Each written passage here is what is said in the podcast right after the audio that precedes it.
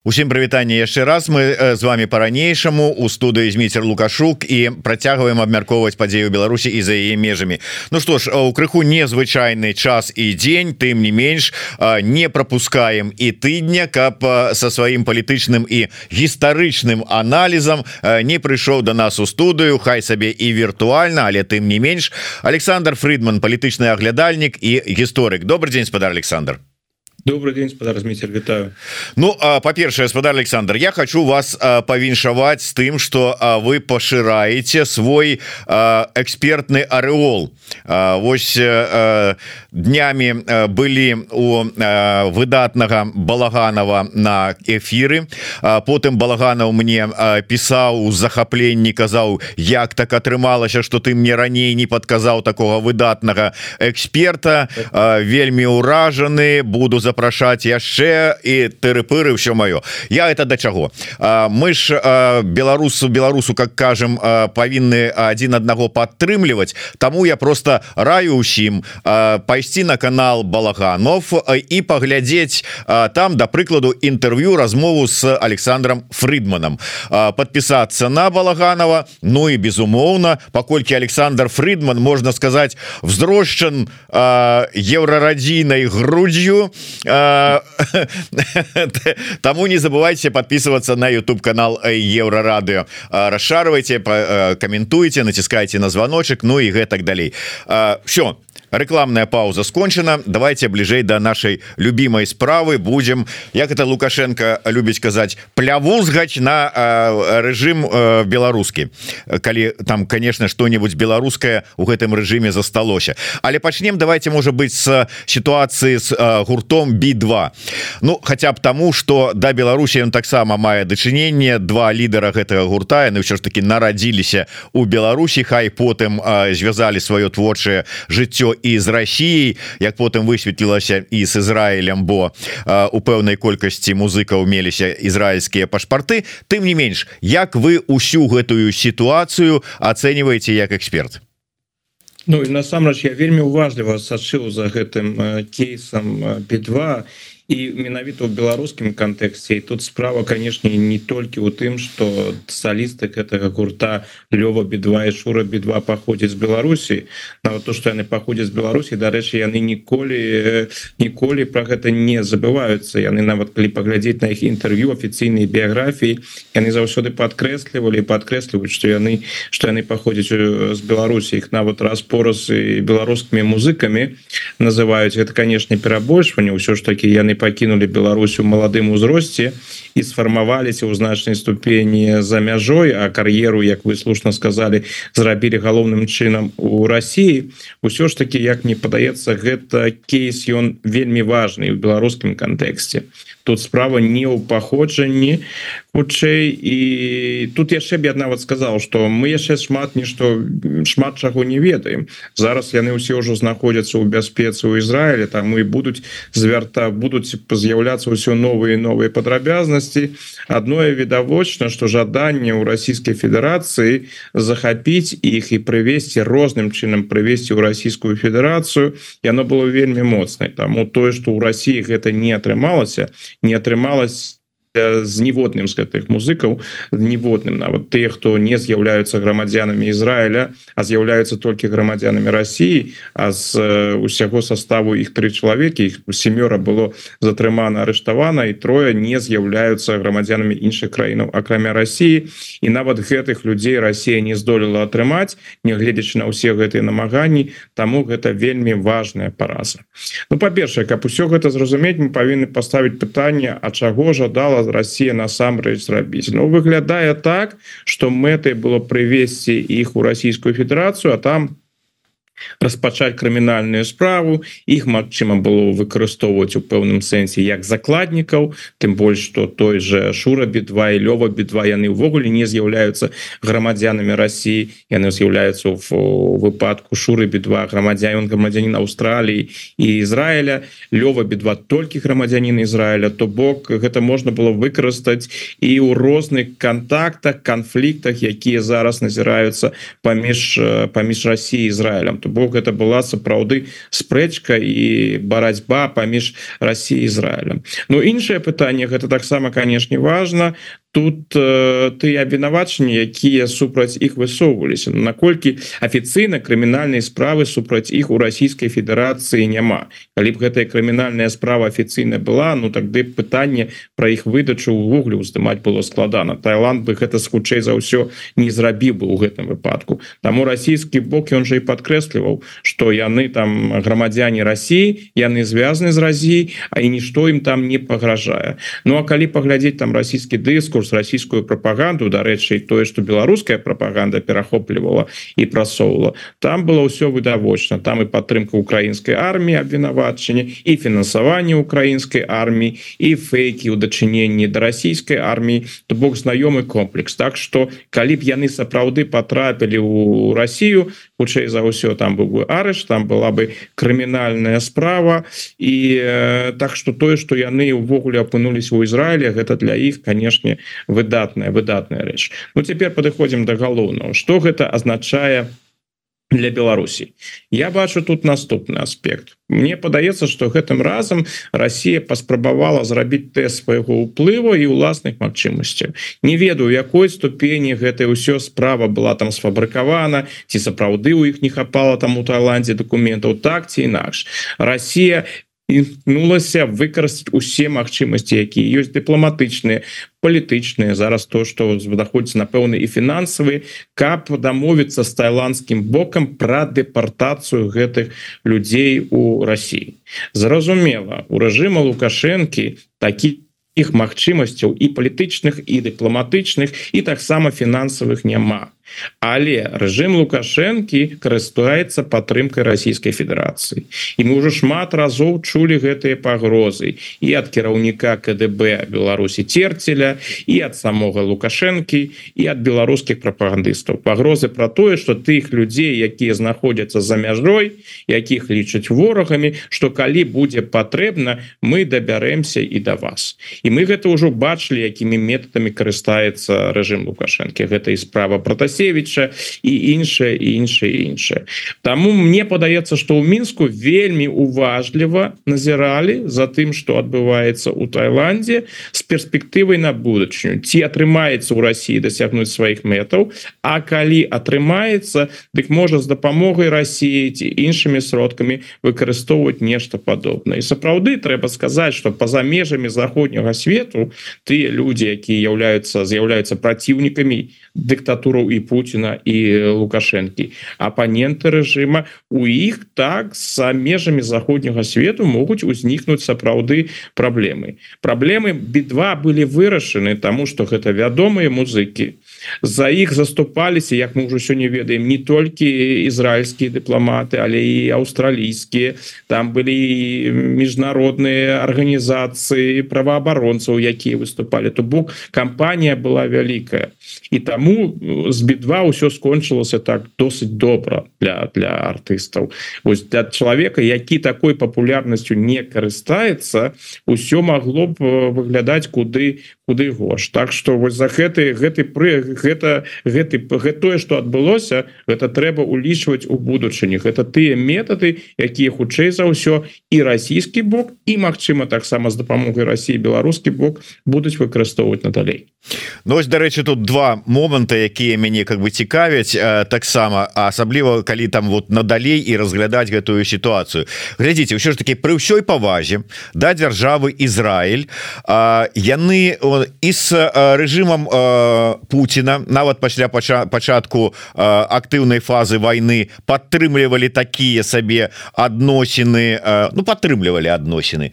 І с лукашенко і таксама нейкія гулькі вялі перафразуючы такую прымаўку амерыканскую карысталіся ў прынцыпе вось ізраильскія палітыкі такой тактыкай. 20 шекелей ёсць 20 шекелей Таму конечно можна гаварыць про нейкія там каштоўнасці і маральныя якасці але бізнес ёсць бізнес і раптам у гэтай сітуацыі Ізраиль так конкретно впісаўся не толькі за грамадзянаў Ізраіля со склада гурта b2 але і за ўсіх астатніх удзельнікаў калектыва Чаму что здарылася ну, Ну давайте пачнем перш за ўсё з, з грамадзянаў. Для дапамога грамадзянам Ізраіля для ізраильской дзяржавы гэта гэта прынцыповая справа.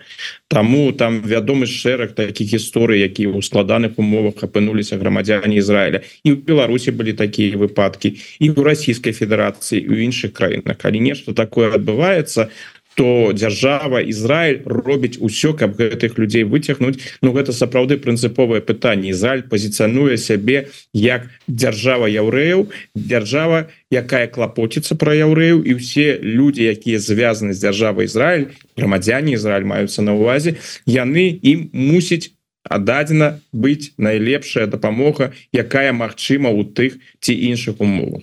Таму тое что яны пачалі барацьбу за грамадзянаў Ізраіля гэта гэта было гэта было такая абсалютна абсалютна відавочная э, справа тым больш что ўсё ж таки кейс b2 ён досыць складаны там же фактычна сярод удзельнікаў гэтага гурта там три катэгорыі. Першая гэта грамадзяне Ізраіля у якіх няма грамадзянства Росіі гэта салісты. Далей ідуць грамадзяне Ізраіля у якіх таксама ёсць расійскае грамадзянство і яшчэ три удзельніка гэта людзі у якіх няма ізраильскага грамадзянства але якія наколькі я гэта зразумеў зараз жывуць у Ізраіле тому что гэты гурт ён ён перабраўся з з Росіі з Росіі ў Ізраиль Вось. Гэта гэта першы момант. Что ж тычыцца ўжо адносінаў з рэжымам лукашэнкі і з рэжымам Пуціна то тут трэба азначыць что ізраильская знешняя палітыка яна прынцыпова адрозніваецца ад палітыкі еўрапейскай альбо палітыкі амерыканскай.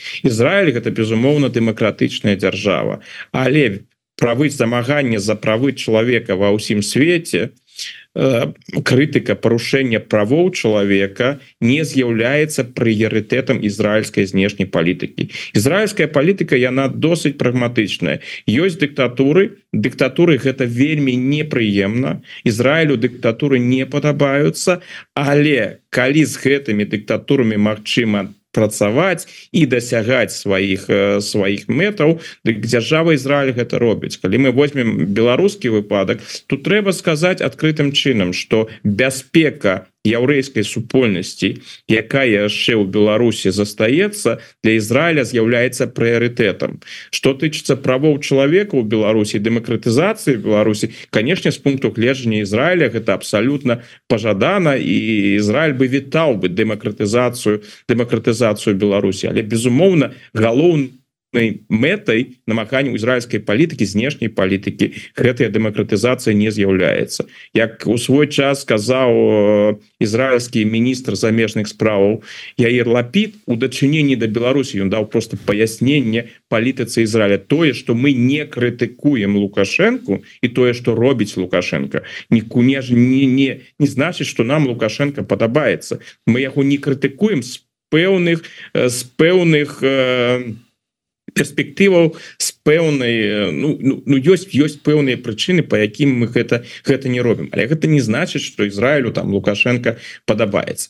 Але тут яшчэ один момант трэба все ж таки подкрэсліць гэта ўсё было до сёмага кастрычніка 23 -го года да нападу хамаса на Ізраиль зараз сітуацыя канешне змянілася. І у Ізраіле тыя людзі у якіх яшчэ былі ілюзіі наконт расійскай федэрацыі наконт магчымай выбудовы адносінаў з расійскай федэрацыі яны наўпрост побачылі что Россия супрацоўнічае с хамасам что Путину хамас куды больш блізкі чым Ізраиль Ну яшчэ калісьці мы даведаемся якую ролю Россия увогуле адыграла у гэтых э, падзеях 2023 года. Ёсць же разные гіпотэзы про тое что расійскі Бог ведаў что нават і больш актыўны мог Мачыма бы удзел Российской Федерации Ну гэта ўсё пакуль на ўзроўні спекуляцый будзе новая інфармацыя побачым цяпер что ж тычыцца что ж тычыцца вось тых расійскіх музыкантаў тых тых грамадзянаў России без сувязі з Ізраілем то канешне для Ізраіля гэта быў асабліва такі цяжкі момант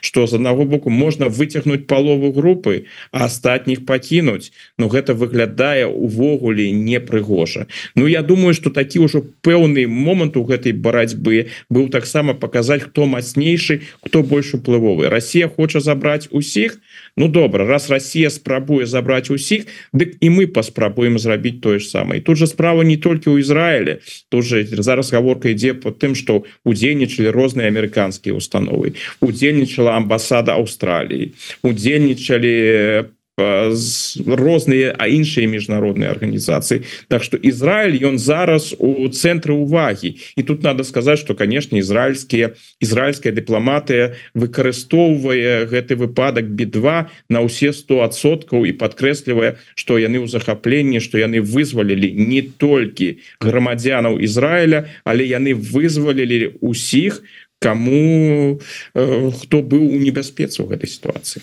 Ну так вот вы э, сапраўды тут трошку мяне со сваімі аргументамі апярэдзілі бо я думаў зараз подлаўлю тут фрыдмана Таму что сапраўды я чытаў і таксама мае назіранні такія что калі б у Кремль Москва Россия россияне не зашкварыліся со сваёй падтрымкай Хамаса то Мачыма не таким ужо бы і актыўным былі б намаганні Ізраіля ва ўсёй гэтай сітуацыі з би2 і з іншага боку я вот зараз чытаў каментары ў Фейсбуку з нагоды вот гэтай ўсёй сітуацыі.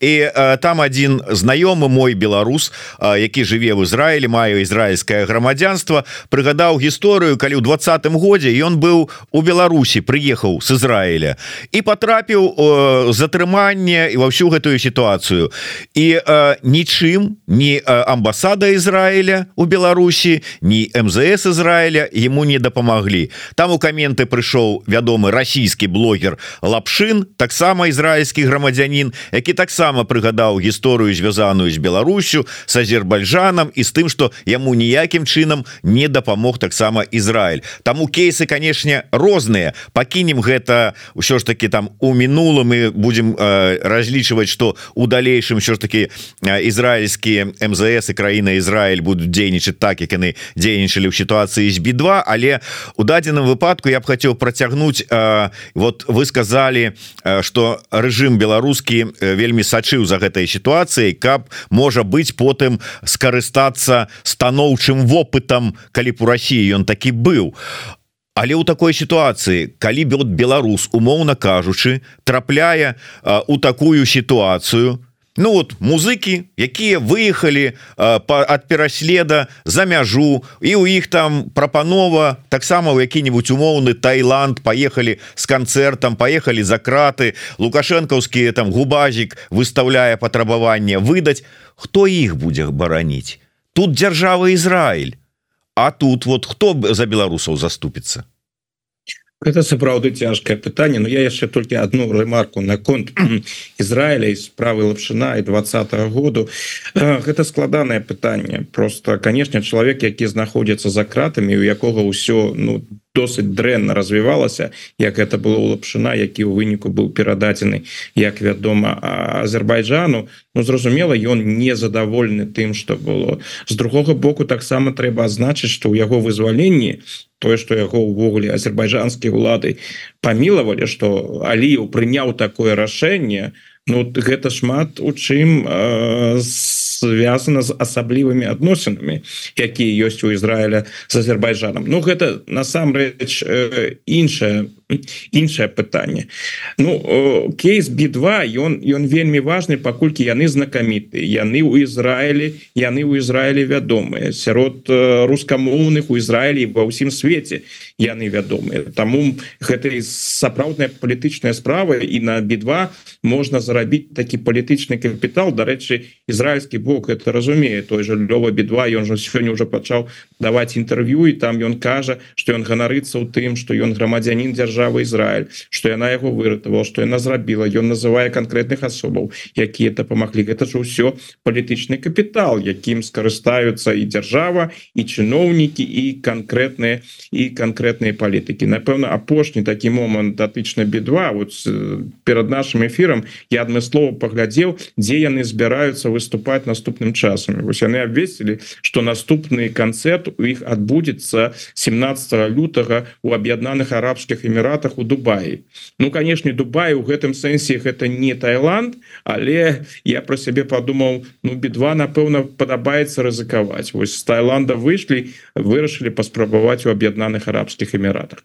Ну добра цяпер что тычыцца вось вашего пытання якое вы задали с беларускімі музыкамі гэта вельмі гэта вельмі дрэнны кейс. Бо канешне у гэтым выпадку так будзе кампанія міжнародная ў прэсе так про гэта будуць пісаць зразумела не так шмат як пісалі і пишутць про кейс b2 дарэчы b2 нават зарабіла пэўную популярнасць на гэтым кейсе бо іх цяпер заўсёды будуць звязваць со спробай Пуціна іх выцягнуць. Яны цяпер так бы мовіць у іх вобраз ворагаў асабістых ворагаў расійскага рэжыма асабістых ворагаў Пуціна.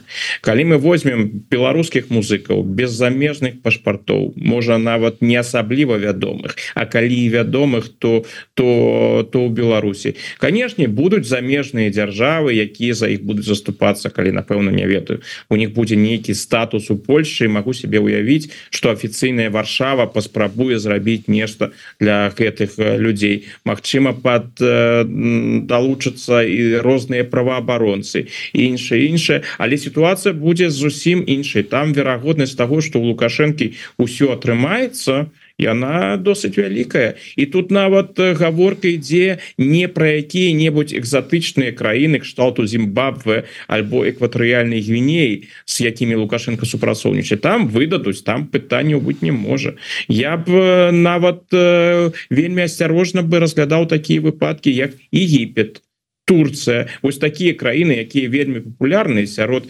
беларускіх турыстаў. Мы ж ведаем что гэтыя краіны дэмакратычнымі не з'яўляюцца. Адносіны з лукашэнкаўскім бокам і з Росіі Росіі падтрымліваюць. Так что у гэтым сэнсе тут шмат чаго магчыма. Тым больш что тая ж Турция яна таксама вядома гэтымі акцыямі калі людзей якія прыязджалі у Турцыю адпачываць напрыклад розныя турэцкія актывісты праціўнікі эрдагана там же былі арышты быў напрыклад выпадак с адним журналістам газеты вельт это, это вялікая вядомая нямецкая газета Денис Ючель нямецкі грамадзянин які быў корэспандэнтам гэтай дзяржавы дзяржавы ў Турцыі. Ну і что веда Турцыя дакладна ведала что гэта ну іншаземец что у него турэцкае грамадзянство нямецкае грамадзянство калі яго арыштуюць і нешта з ім зробіць Ну Германія будзе пратэставаць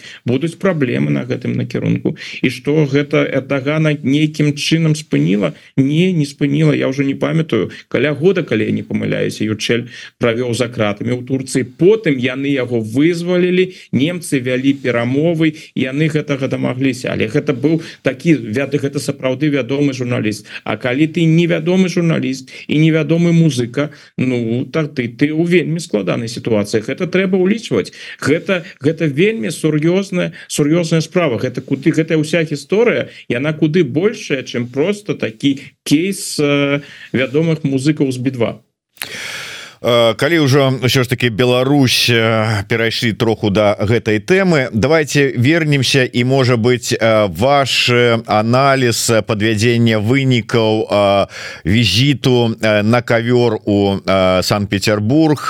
Вось гэтыя ўсе нейкі там чаканні ад пасяджэння вышэйшага дзяржсавета саюзнай дзяржавы. Размовы былі про тое что чарговае паглыбленне інтэграцыі пашырэнне страты незалежнасці пагрозы гэтак далей. Ацэнкі вот по выніку от того что вот мы мы маем Я можа скажу зараз вось такую трошки парадаксальную рэч але вось мяне з гэтага ўсяго візіта лукашэнкі цікавіла толькі праграма якая у яго была ў суботу і звязаная з ленінградской блакадай. Гэта з блакады Ленінграда гэта з майго пункта гледжання самае цікавае. І я зараз патлумачу чаму. Тое что адбывалася там далей гэтыя іх размовы ў нядзелю калі там гэты пункт першага паведамляў яны столькі гадзінаў паразмаўлялі і тут яны гэта з'елі там друг другое выпілі іншае і гэтыя агульныя словы якія былі там падчас паседжання у панядзелак. Гэта ўсё паўтараецца там нічога новага няма. І там нічога такога і чакаць не варта. Калі мы говорим про незалежнасці про пагрозу э, страціць незалежнасць дык яна перманентная. Яна не залежыць вось з гэтых спатканняў якія там адбываюцца у таких фарматах. І у тая ж там гаворка про агульную валюту про расійскі рубель Ну колькі гадоў яно ўжо вядзецца А А я калі да справы даходзіць нічога нічога конкретнага Так что і тое что яны кажуць на публіцы і лукашенко і Путін Ну мы ж ведаем як это у іх працуе кажуць одно робяць робяць другое. Вось. Цікавая была рыторыка лукашэнкі паколькі ён імкнуўся яе адаптаваць да путинской рыторыкі. Но самое галоўнае для мяне так было на тое что яго выклікалі ўжо ў суботу. Гэтым у гэтым годзе было цікава. У Росіі яны палічылі что 20 27 першага ну па-перша я пачну так гістарычны контекст 27 першага гэта ж вядома гэта сусветны дзень памяти ахвяраў холокоста і гэты дзень таксама у Росіі ён адзначаўся. Яны выкарыстоўвалі гэты дзень таксама у прапагандысцкім кантэксце у сваіх кампаніях супраць Украіны. Таксама гэта той дзень у якім у 44 годзе была канчаткова скончана блокада Ленінграда але расійскі бок вырашыў адмыслова гэтыя дні развесці. Таму яны дзень памяти ахвяраў блокады у іх не 27 першага а 8 а 8 9 8 верасня 41 -го года калі гэтая блокада пачалася. І тут яны раптам у гэтым годзе вырашылі зрабіць цэнтрам увагі менавіта 27 Ну добра можна сказаць гэта такая круглая была гадавіна гэтым э, гэтым разам. Но усе роўна это было вельмі пампезна. Это быў вялікі расійскі проект там тэма блокады у іх была ў суботу у расійскай прапагандзе галоўная тэма. Яны ўсе выказваліся на гэты конт. І вось что цікава менавіта ў суботу яны выклікаюць сюды лукашенко Ну можа ён сам сказаў что ён прыедзе але ён стаў у гэты момант часткай іх кампаніі. І вось тая тая прамова якую ён там зрабіў афіцыйную гэта абсалютна расійскія наратывы ён імкнуўся казаць менавіта тое что хоча пачуць Крemль і ў дачыненні да Украіны і да іншых пытанняў. То бок лукашенко ў гэты момант ужо канчаткова прадстаў як частка гэтай гэтай сістэмы. Что на месцы лукашэнкі умоўна мог быць у гэты дзень і мядзведзяў і і лаўроў і патрушаў і хто заўгодна. То бок лукашенко ў гэты момант стаў фігурай расійскай палітыкі. І гэты дзень не паказаў наколькі моцна насамрэч лукашенко інтэграваны ува унутранае палітычнае жыццё Росіі Вось гэта з майго пункта гледжання. Такі быў вельмі цікавы момант падчас гэтай сустрэчы. А астатніе выглядала досыць банальна.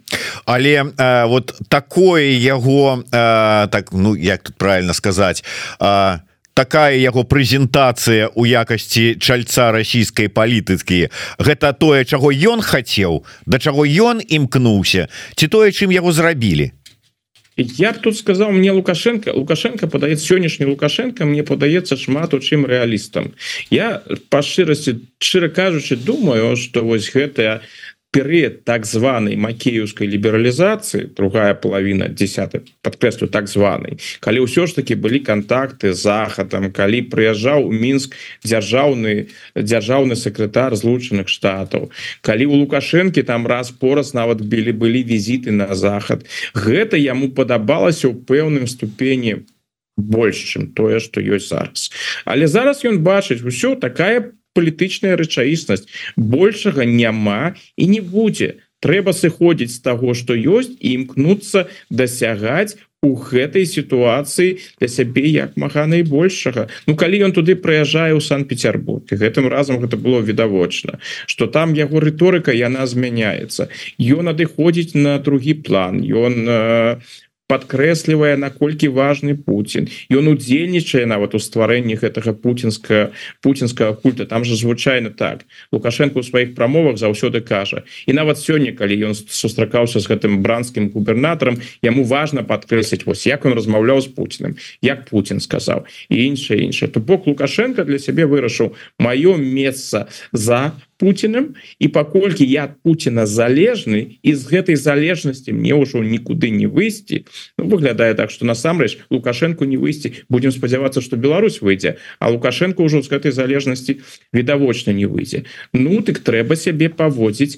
адпаведным чынам не думаешь что ему так это ўжо падабаецца але такая рэчаіснасць трэба працаваць тых умовах якія склаліся Дарэчы калі так подлічыць атрымліваецца колькі это? 24 23 дні застаецца до да адзінага дня наведавання буфета на выбарчых участках.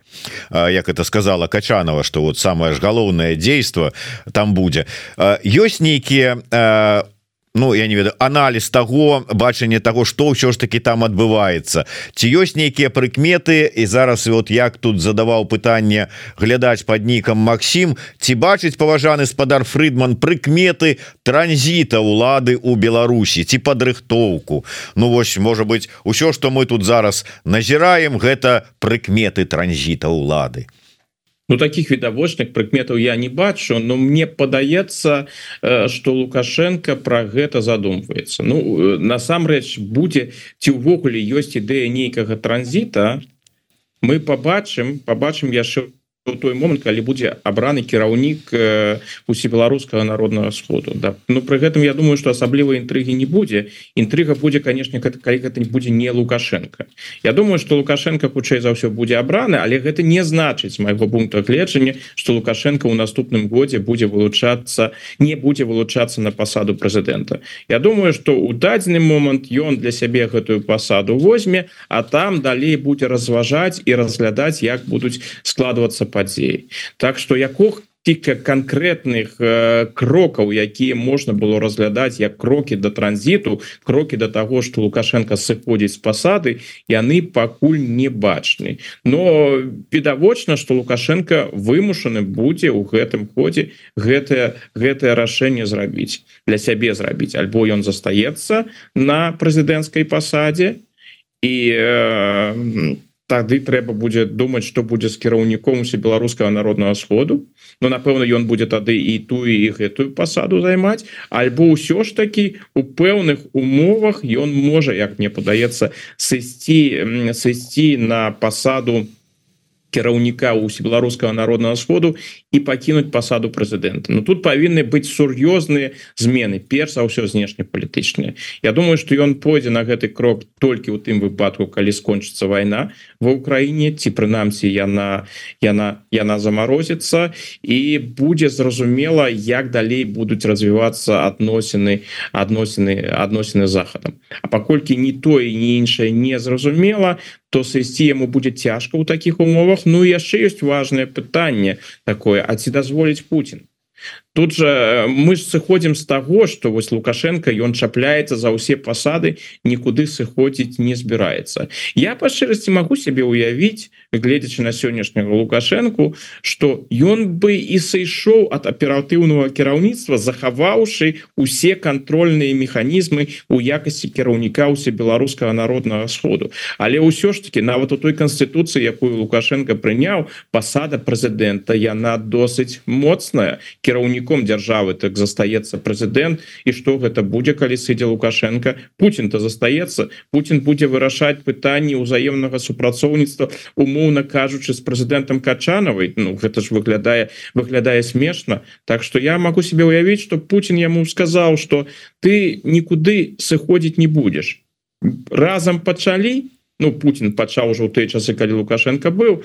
Усе галоўныя рэчы зрабілі разам на войну пошли супраць Украины разом Ну як разом лукашенко дапамог на войну не пайшоў але дапамог Так что будем разом до апошняга Так что вось гэты чыннік расійскі чыннік я вылічваў Ну так таксама Саша Лёка каментуе ну ці піша сваё бачанне сваю рэакцыю на наши з вами развагі про сітуацыю з би2 там трэба спіс краінаў рус друзей расіянаў у якія беларусам не ногой Ну по праўдзе сказаць спіс таких краінаў куды беларусам якія знаходяцца ў вымушанай эміграцыі лепш не ездзіць ён існуе. А для лепшага разумення чаму у якія краіны і наколькі ўзровень небяспекі ў той ці іншай краіне адрозніваецца я раю вам для того каб это зразумець паглядзець наш нядаўні эфир с адвакатам кіраўніком адвакацкай канторы легал статус алесем михалевичам ён там усё вельмі добра распісывае по гэтых пытанняў с так пералічваючы краіны конкретно куды лепей беларусам не ездзіць давайте яшчэ один момант закранем еўрапейскай так бы мовіць палітыкі мяне вельмі зацікавіла выказыванне якое прыпісваюць Орбану нібыта вось ён у 23 годзе там на нейкім пасяджэнні кабінета венгерска кажучы про тое что чаму ён там не вельмі хоча каб Украіна далучалася до НАТО узгадывае і Беларусь. Маўляў следам за Украінай прыйдзе Беларусь. У Беларусі таксама будуць дэмакратычныя змены. Варта чакаць что бліжэйшым часам что там одну а то і дзве каляровыя які на там кажуць рэвалюцыі у Беларусі гэтак далей. А гэта не вельмі добра тому что пашырыць павялічыць уплыў ЗША у Еўропе я вот так сабе думаю.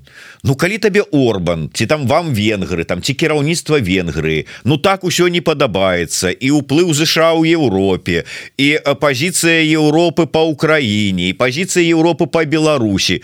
Ну Брекзит ніхто не адмяняў. Сабралі манаткі і пайшлі з шенгенской зоны с еўразоны жыць сабе спакойна долучыся до АДКБ і кайфуй вот як это ўсё карэліруецца такія паводзіны Орбана і з усей астатняй еўрапейскай палітыкай Ну, калі аналіз Орбан сапраўды такі зрабіў ён сведчыць про пэўны вельмі нізкі ўзровень узровень экспертызы. Ну что точыцца злучаных штатаў яго ж адносіны дваісты. У яго дрэнныя відавочна дрэнныя адносіны сённяшняй адміністрацыі яго выдатныя адносіны з трампом там у яго галоўная надзея на тое что вернется трамп. Тым больш что трамп гэта той выпадак что трамп сапраўды ведае пэўных еўрапейскіх лідараў. Звычайна гэтага ж няма. Ён так ад сябе кажа хто там дзе і як А ў выпадку Венгрыі невялікай краіны по еўрапейскім меркам якую шмат хто ў злучаных штатах увогуле не ведае пра існаванне такой краіны. А вось трамп про Орбана ведае. Ён нават Орбана узгадваў нядаўна узгадваў у якасці прыклада прыклада еўрапейскіх краўнікоў. Что ж тычыцца ўвогуле гэтай венгерскай палітыкі яна досыць не досыць яна сапраўды цынічная. З аднаго боку мы крытыкуем еўразвяз нам там шмат чаго не падабаецца. Гэта новы дыктат у Орбану падабаецца нават гэтые параўнанні паміж э, сацыялістычным часам як сваю волю Москва навязвала Венгрыі таксама вось зараз гэта робіць нібыта нібыта еўразвяз. На вот такие параўнанні там у я яго адбываюцца але ад фінансавай дапамогі еўразвяза ён же не адмаўляецца. Ён конечно кажа что ўсё что мы атрымалі мы ўсё адплацілі мы нічога нікому не вінныя так что у нас вся такая пэўная роўнасць. Ну гэта так это рыторыка. Ён ведае дакладна якая ёсць ад еўразвяза дапамога что гэта означае для ягонай эканомікі. Таму ён ён іграе на гэтым папулізме ён гуляе на пачуццях людзей але сыходзіць ён не збіраецца на тым больш што механізм то ён-то і не прапісаны краіна можа э, добраахвотна пакінуць еўразвяз як гэта зрабіла Великабрытанія А каб кагосьці выкінулі Ну гэтага ж пакуль не было. І напэўна такое не адбудзецца. Іншая справа что э, сам сыходзіць Орбанта не збіраецца. Калі дазволіце я просто яшчэ на адным прыкладзе прадэманструю цынічнасць венгерскай палітыкі. З аднаго боку Орбан кажа зброя Украіне гэтага не будзе мы зброю пастаўляць не будем санкцыі супраць Росіі там таксама заўсёды ідзе гаворка санкцыі гэтак дрэнна санкцыі павышаюць пагрозу сусветнай войны і гэтак далей. Ну вядомая вядомая рыторыка ён такі вядомы так у двукосці змагар за мир за перамовы іншае А вось глядзіце что адбываецца адначасова. Нямецкі канцэн райн металл гэта канцэрн які вырабляе зусім розную зброю у тым ліку і вядомыя цяпер ужо на весь свет на свет вядомы танки леопард леопард 2 Ну іншую зброю яны шмат чаго чаго вырабляюць. Дзе у іх прадпрыемствы? Адно з галоўных буйных прадпрыемстваў знаходзіцца ў венгры зараз там будзе таксама нарошчвацца будуць аб'ёмы вырабу прадукцыі. Куды пойдзе гэтая прадукцыя райн метал райн метал гэтага і не хавае. Галоўны галоўны рынок для гэтага канцэрну над вельмі працяглы час будзе Украіна. Яны там уже пабудавалі прадпрыемства але у іх вялікае прадпрыемство ў Венгрыі. Яно працуе. Что кажа Орбан? Ён кажа гэта дрэнна что ў Венгрыі вырабляецца зброі будзе пастаўляцца в краіну не ніякіх пытанняў няма вырабляйте больш чым больш працоўных месцаў у Венгрыі калі ласка нават калі галоўная вы галоўная прамыс галоўныя часткі гэтага прадпрыемства будуць перанесены ў Венгрыю там будуць пабудаваны новыя новыя заводы Ну дык что скажа Ворбан выдатна. Вось у гэтым увесь цынізм яго палітыкі. Ну прадпрыемства ж нямецкая Э, ну а что что? Орбан скажет вы не понимаете это другое мы что против но это ж немецкий завод мы ж там да. не можем можа ён можа ён потым танки спач... да танки можа спачатку у Германию а з Германии тады уже во Украину а Венгрыя тут не прычым ладно Орбан Орбанову як кажуць але калі уже Украину закранули давайте звернемся до гэтай ситуации два цікавых моманта. Рашэнне ўсё ж таки я так разумею і Орбан подпісаў гэтае рашэнне далучыўся до яго потому что кажуць усе 27 краінаў Евросоюза прогаласавалі за павелічэнне падтрымки Украины фінансавай так? Так то гэта з орбаном заўсёды. Тыя тыя еўрапейскія палітыкі якія э, з орбаном працуюць яны кажуць что в прынцыпе выглядае гэта так. Калі там камеры працуюць і калі ёсць э, ёсць журналісты вы бачыце зусім іншага борбана ён спрачаецца ён адстойвае сваю пазіцыю ён праводзіць недарэчныя параўнанні і ўсё. Калі гэта знікае то за зачыненымі дзвярыма калі пачынаюць працаваць з ім можна дамовіцца. Калі я не памыляюся былы кіраўнік еўрапейскай камісіі Жан-клод юнкер казаў что Орбан ну прынцыпе нармальны хлопец. З ім можна размаўляць. Ён зусім зусім не такі як вам падаецца.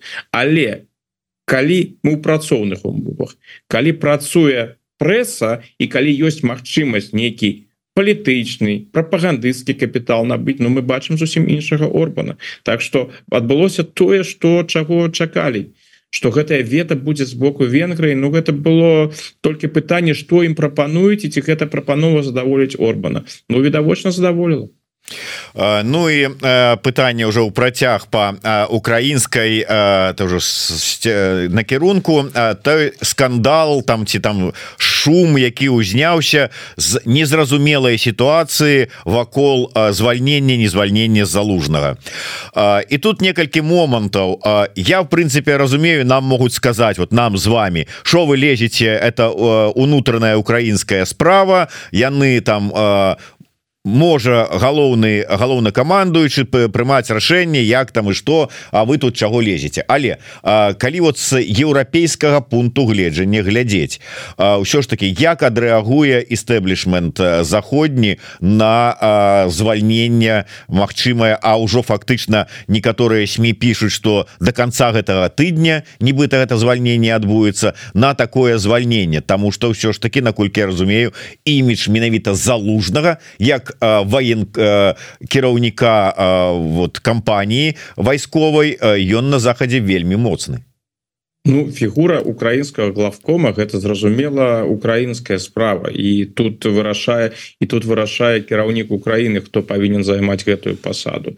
Ну а што ж тычыцца ўвогуле лёса войны что будзе ў выніку гэтай войны гэта не толькі справа конечно перш за ўсё гэта справа украінская але гэта і справа еўрапейская гэта справа заходняя.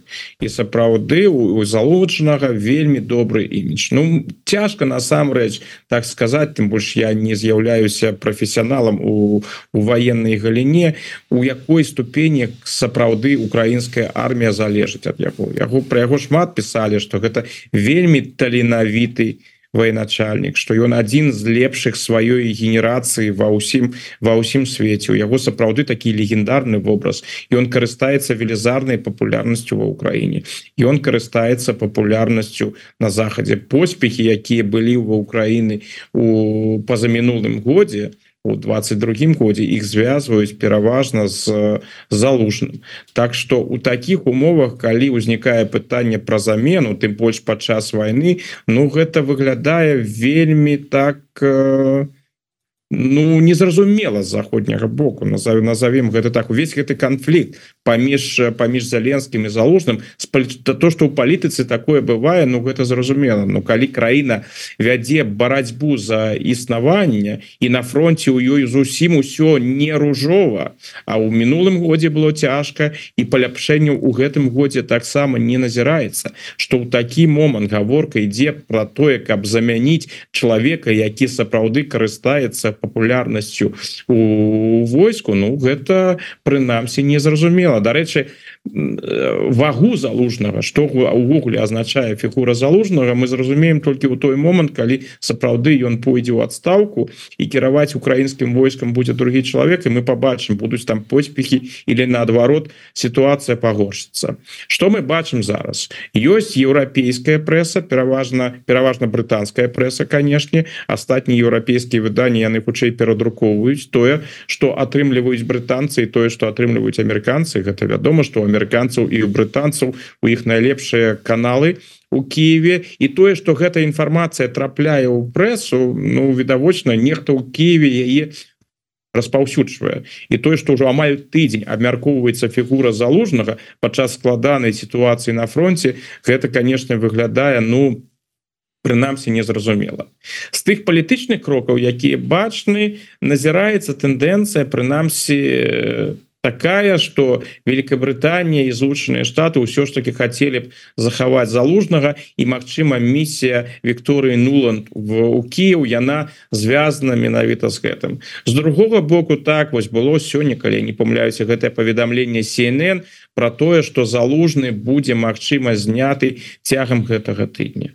Ну зяленскі ён чалавек імпульсіўны ён можа прыняць канешне любое рашэнне а гэтае уяўленне про тое что ён там з'яўляецца нейкай марыянеткай брытанцаў альбо амерыканцаў і выконвае іх загады. Ну гэта ўжо давно абвернута яны канешне могуць выказваць сваю пазіцыю даваць свае прапановы А ці застанецца залужны на сваёй пасадзе вырашаць усё ж таки будзе зяленскі. Гэта будзе выглядаць ну канешне звыш дзіўна калі пасля ўсяго таго что адбывалася на гэтай не на гэтым тыдні пасля гэтых абвяржэнняў ён сапраўды залужнага адставіць. Калі б ўсё ж таки не ўлічваць асаблівасці зяленскага я б сказал бы что залужны знаходзіцца у надзейнай сітуацыі і адстаўка яму не пагражае. Але з другого боку мы не ведаем наколькі глыбокі там насамрэч канфлікт. І тое что мы ведаем про зяленскага я б не выключаў что ён сапраўды імпульсіўна прыме гэтае рашэнне. Но мне падаецца что ў любым выпадку гэта будзе дрэннае рашэнне можа не фатальная не думаю я что сітуацыя так ужо адначасова пасля сыходу залужнага пагоршыцца. Але гэта тое рашэнне якое прымаць у такой сітуацыі з майго пункта гледжання не трэба. Таму я спадзяюся что зяленскі ўсё ж таки гэтае рашэнне не прыме Ну фігура за, залужнага канешне цікавая фігура але мяне цікавіць яшчэ одна фігура з украінскага істэблішмента это Ігор кізім Як вы лічыце? Ну ён ці не ён але сама пастаноўка пытання что бліжэйшымі днямі Мачыма будзе прызначаны спецпрадстаўнік Украіны по Беларусі Ну фактычна лічы з пасу працы з дэмакратычнымі сіламі беларускімі. Альбо як мне напісаў сам Ігор кізім что пасада будзе хутчэй называцца посол по асаблівых даручэннях але тым не менш сама само з'яўленне такого такой по пасады чалавека на гэтай пасадзе. Яно пра што сведчыць? Ну, яна сведчыць па-перша па-першае про тое что ўсё ж таки про беларускі вектор у Киеве не забываюцца. І прычым на гэтую пасаду прызначаюць чалавека які у афіцыйнага мінска карыстаецца вельмі дрэнныя рэпутацыі якім актыўна займаецца беларуская дзяржаўная прапаганда. Ну канешне у палітыцы у дыпламатыі Мачыма ўсё но мне цяжка ўявіць что у ігора кізіма пасля ўсяго таго что было звязанага з ім у Беларусі яго адкліканне что ён будзе сапраўды падтрымліваць яшчэ і сувязі з з рэжымам рэжымам лукашэнкі. Калі у Кіева і сувязі там нейкія контакты вядуцца яны відавочна не по гэтай лініі ідуць. Калі ён будзе будзе шчыльна займацца беларускімі дэмакратычнымі сіламі будзе кантактаваць з беларускімі дэмакратычнымі сіламі супрацоўнічаць з імі. Ну гэта канешне подвышае статус беларускіх дэмакратычных сілаў у Украіне. Калі вось такі спецпасланнік і займацца ён будзе менавіта дэмакратычнай супольнасцю тым самым Кіў дэманструе што ўсё ж таки дэмакратычныя сілы Беларусі яго таксама цікавіць гэта менавіта тое чаго дэмакратычныя сілы ўжо і намагаюцца самага пачатку расійскага паўнамасштабнага ўтаржэння яшчэ беларуская тэма але таксама праз кейсы замежныя два кейсы цікавых. Расійскі і літоўскі. Расійскі кейс звязаны безумоўна с надеждзеным яго удзелам у выборах і с надеждамі расійскай апозіцыі что яны нарэшце займеюць сваю ціхановскую у выглядзе надеждзена Як вы ацэньваеце ці атрымаеце і увогуле ці варта там звяртаць на тое увагу на тое что адбываецца там з гэтымі так зваными выборами расійскімі нам беларусам як у Беларусі так і за межамі я б сказал так Ну все ж таки гэта вялікая краіна там конечно і важная краіна вельмі важная краіна ў беларускім кантэксце Вось тое что там адбываецца я б не назваў выборами Ну такі працэс ён ён цікавы з пункту гледжання калі вы цікавіцеся выборами і палітыкай Ну чаму чаму і нават вось гэтымі псеўдавыборами не паглядзець на гэтые псеўдавыборы калі тут гаворка ідзе про нейкія змены то что там можа быть мобілізацыя расійскага грамадства нейкі рух супраць Пуціна нейкія пратэсты Ну гэтага ўсяго чакаць не варта. Гэтай параўнанні ціхановскай і надежды нам мне падаюцца ну цалкам цалкам недарэчныя. Надеждзін гэта сістэмны кандыдат это так званы ліберал дзяржаўнік гэта сталы удзельнік расійскіх прапагандысцкіх ток-шоу чалавек які паўплываў таксама на расійскае грамадства у тым сэнсе на абава на назовем гэта так абалваньванне расійскае грамадства. Чалавек які пераконаваў усіх что амерыканскія індейцы гэта рускія там ці расіяне рускія якія прыйшлі прыйшлі праз там з Сібіры праз аляску і рассяліліся па ўсёй Амерыцы Ну і калі мы нават ужо да пойдем. Яго нават былі жартаўлівыя як ён гэта ему такое падабаецца там не заўсёды зразумелы ён гэта яго стыль ён гэта подставляе як жарты А можа ці жарты гэта не те іншыя пытанні. Ж былі разважанні менавіта ў такім накірунку наконт того каб уключыць Беларусь у склад у склад Росіі Ну у яго тыповае імперыялістычнае мысленне. Гэта такі так гэта гэта вось тая традыцыя маскоўскага ліберальнага імперыялізму якая вядомая з другой паловы 90-х Ну што іх адрознівае напрыклад там ад іншых расійскіх імперыялізм імперыялістаў? Негатыўнае стаўленне стаўленне до лукашэнкі Ну да лукашэнкі ён ставіцца с такой адкрытай пагартай так. Ну, суздальцаў таксама не любіць лукашэнку так так ну той же суздальцаў таксама я думаю падтрымлівае ідэю уваходжання Беларусі ў склад у склад Ройскай Федерацыі Ну так і вось надежда для надежна белару лукашенко гэта такі правінцыйны невук неадукаваны со спецыфічнымі манерамі. Ён э, жартуе про яго. Ён там у яго былі выказаны что нельга там даваць лукашенко ядерную зброю паколькі ён у двукосе здраднікі. Он гэтую зброю зброю возьме і калі што пабяжыць до да амерыканцаў. Вось такая вось такая у яго позиция то бок лукашенко яму не падабаецца. Ну а что тычыцца Беларусі Беларусін відавочна разглядае як зону расійскага расійскага уплыву і тут тут э, нічога такого э, нічога такого новага няма А калі ўжо гаворка ідзе про ціхановскую Ну только один момант. Гэтае параўнанне у Росіі уважліва сачылі за падзеямі у Беларусі ў двадцатым годзе. Расійскай ціхановскай калі жадаеце павінна была стаць Кацярына Донцова паколькі там ёсць та пэўнае падабенства у яе біяграфію біяграфій ціхановскай канешне розніцы таксама хапае але ўсё ж таки маладая жанчына якая выклікае на бой сталага ўжо усталым важным узросце аўтакрата. Что зрабіў расійскі бок яе нават не дапусцілі до сбора подпісаў. Яны боятся вось нават дунцовай. А что тычыцца надежды на ну чалавек сістэмы ён набы набудзе пэўны капітал палітычны капітал і потым яшчэ больш актыўна будзе удзельнічаць у рознага кшталту расійскіх прапагандысцкіх ток-шоу Ну так ну в прынцыпе калі ўжо хацелі нейкага большего падабенства по там типа ці касплеіць тихохановскую Ну то трэба было жонку навальнага там нейкім чынам прасоўваць на выборы. У гэтым сэнсе Я думаю что расійскі бок ён і і ён ён гэтага боится. Я думаю что калі б там выручалася сапраўды жонка навальнага то там рэакцыя расійскіх уладаў нават была больш жорсткай на думаю так яшчэ беларуская тэма праз літоўскі кейс.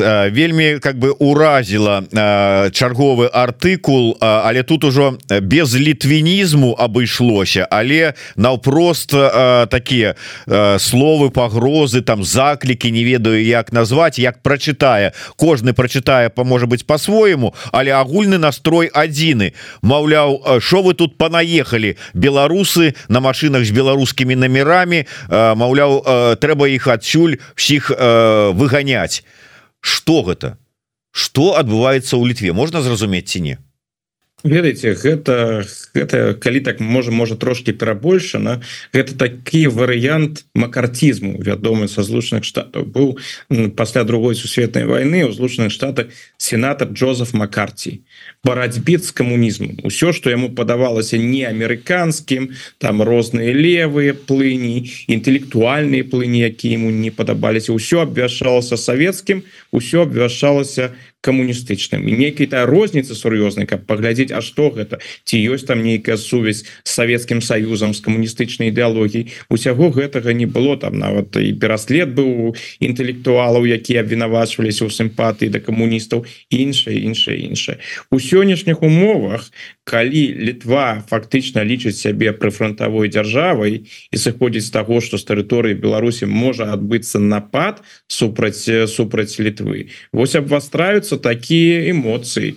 І ўсё что прыходзіць з Беларусі у незалежнасці ад таго які там погляды у людзей Вось прыйшло з Беларусі патэнцыяльная небяспека На жаль мне падаецца тое что я зараз назіраю за краінамі балты і пераважна і за ну в прынцыпе там тэндэнцыі это асабліва не адрозніваюцца просто у беларускі у беларускім кейсе самая цікавая краіна з беларускага пункта гледжання конечно літва потому что там наибольшая колькасць колькасць беларусаў Ну гэта сведчыць хутчэй тыя тэндэнцыі якія там у грамадстве назіраюцца яны сведчаць про тое что гэтае адмоўнае стаўленне гульня на эмоцыях яна яна будзе працягвацца Ну у літве яшчэ спецыфічная дадатковая дэталь звязаная з тым что ў літве ў гэтым годзе пройдуць пройдуць выборы. Мачыма пасля выбораў сітуацыя стане больш больш спакойнай Ну шмат что залежыць ад таго як будуць разгортвацца падзеі ў Еўропе і як будуць разгортвацца падзеі ва ўкраіне Ну сапраўды э, спадзяемся что пасля того як пройдуць выборы в у літве э, там сітуацыя з гэтым і літвінізмам і ўсім астатнім э, міфічным супакоіцца і как бы не будзе гэтых незразумелых непрыемнасцяў і накручвання адносінаў. Але я яшчэ на заканчэнне да таго ці чакаць змены нейках ну, сітуацыі пасля выбораў у Беларусі ведаеце вот я сёння паглядзеў інфармацыю про тое что чарговыя там нейкія губазікі ці хто стварылі фейкавую сайт дзе збіралі анкеты звесткі нібыта на атрыманне нацыянальнага пашпарту як яны написали нацыянальны пашпарт Беларусі. Ну вось пашпарт новой Беларусі Маўляў вот звесткі збіралі. І так думаешь Ну для чаго гэта трэба Ну відаць для того каб сабраць чарговую нейкую частку беларускага грамадства вылічыць супраць каго можна распачаць рэпрэсіі. Ах ты хочаш пашпарт новой Беларусі? Ну значит welcome to акрэсціна і это означае что пакуль яны толькі шукаюць магчымасці куды у які бок рэпрэсіі пашырыць. Але ці чакаць что можа быть пасля выбораў нарэшце яны с этим супакоятся Ну тут трэба ж паглядзець на на гістарычны вопыт. У гэтым сэнсе беларус сённяшняе беларускае кіраўніцтва КДБ і іншыя губазікі гэта ж выканаўцы. Тут гаворка ідзе перш за ўсё про кіраўніцтва. Их абсолютно сталінская логіка. Сталін лічыў что у сувязі з абвастрэннем знешнепалітычнай сітуацыі у самой краіне актывізуюцца варожыя так званые варожыя элементы контррэвалюцыя іншая іншая Ну вось глядзіце что адбываецца. Кажуць что сітуацыя вакол Беларусі пагаршаецца адпаведна ворагі Беларусі актыўна працуюць і імкнуцца выкарыстаць тыя лукашенко б нават напэўна выкарыстаў гэты савецкі тэрмін контррэвалюцыйны. Ему падабаецца гэтая рыторыка. Тыя контррэвалюцыйныя элементы так званыя які на тэрыторыі Беларусі дзейнічаюць. Гэта тычыцца что тычыцца магістральнага вектору то бок я не бачу чаму рэпрэсіі павінны спыніцца. А что ўжо тычыцца выканаўцаў Ну ад іх чакаюць лічбаў ад іх чакаюць эфектыўнай працы. Таму і КДБ і губазік і усе гэтыя астатнія юстыцыя суды яны мусяць шукаць новыя магчымасці новыя метады каб гэтыя лічбы паведамляць. Бо як у звычайно звычайным сталінізме калі ты не паведамляешь лічбы калі няма вынікаў тваёй працы конкретных вынікаў тваёй працы ну тады напэўна нешта с тобой не так. Мачыма ты ўжо вораг Мачыма ты супрацоўнічаешь там з нейкім захадам Так что я думаю у гэтым сэнсе выборы яны так прынцыпова не ўплываюць канешне выборы гэта заўсёды пэўная мобілізацыя грамадства Таму і рэпрэсіі звычайна ў кантэксце выбораў больш Мачыма адразу пасля выбораў будет будзе трошки спокойно але от рэпрэсіяў э, гэты режим не адмовіцца. На жаль трэба сказаць что адлігу тут чакаць з гэтым рэжымом не выпадае прынамсі ў сённяшніх умовах Ну что ж мы тут рэкламавалі Фрыдмана на канале балаганов яшчэ раз кому цікава можете паглядзець і неяк забыліся прарэкламаваць телеграм-канал Александра Фрыдмана Таму калі ласка хто яшчэ гэтага не зрабіў подписывайтеся на телеграм-канал Александра Фрыдмана Ну і не забывайтеся подписываться на YouTube канал еврорадыо нагадаю як і ў першым як і ў другім выпадку. Толькі гэта інфармацыя для тых подпісацца кому это бяспечна. Тому что Александр Фридман со сваім телеграм-каналам таксама ўжо экстрэміст і ўсё астатняе все что то есть орден ужо мае от лукашэнкі губазіка. Тому калі ласка кому бяспечна подписывайтеся расшэрвайте ставце свае падабайки Ну і не забывайте писать каментары і глядзець наши стрымы эфиры до сустрэчы. Дякую вялікі спадар Александр. Жыве Беларусь. Жыве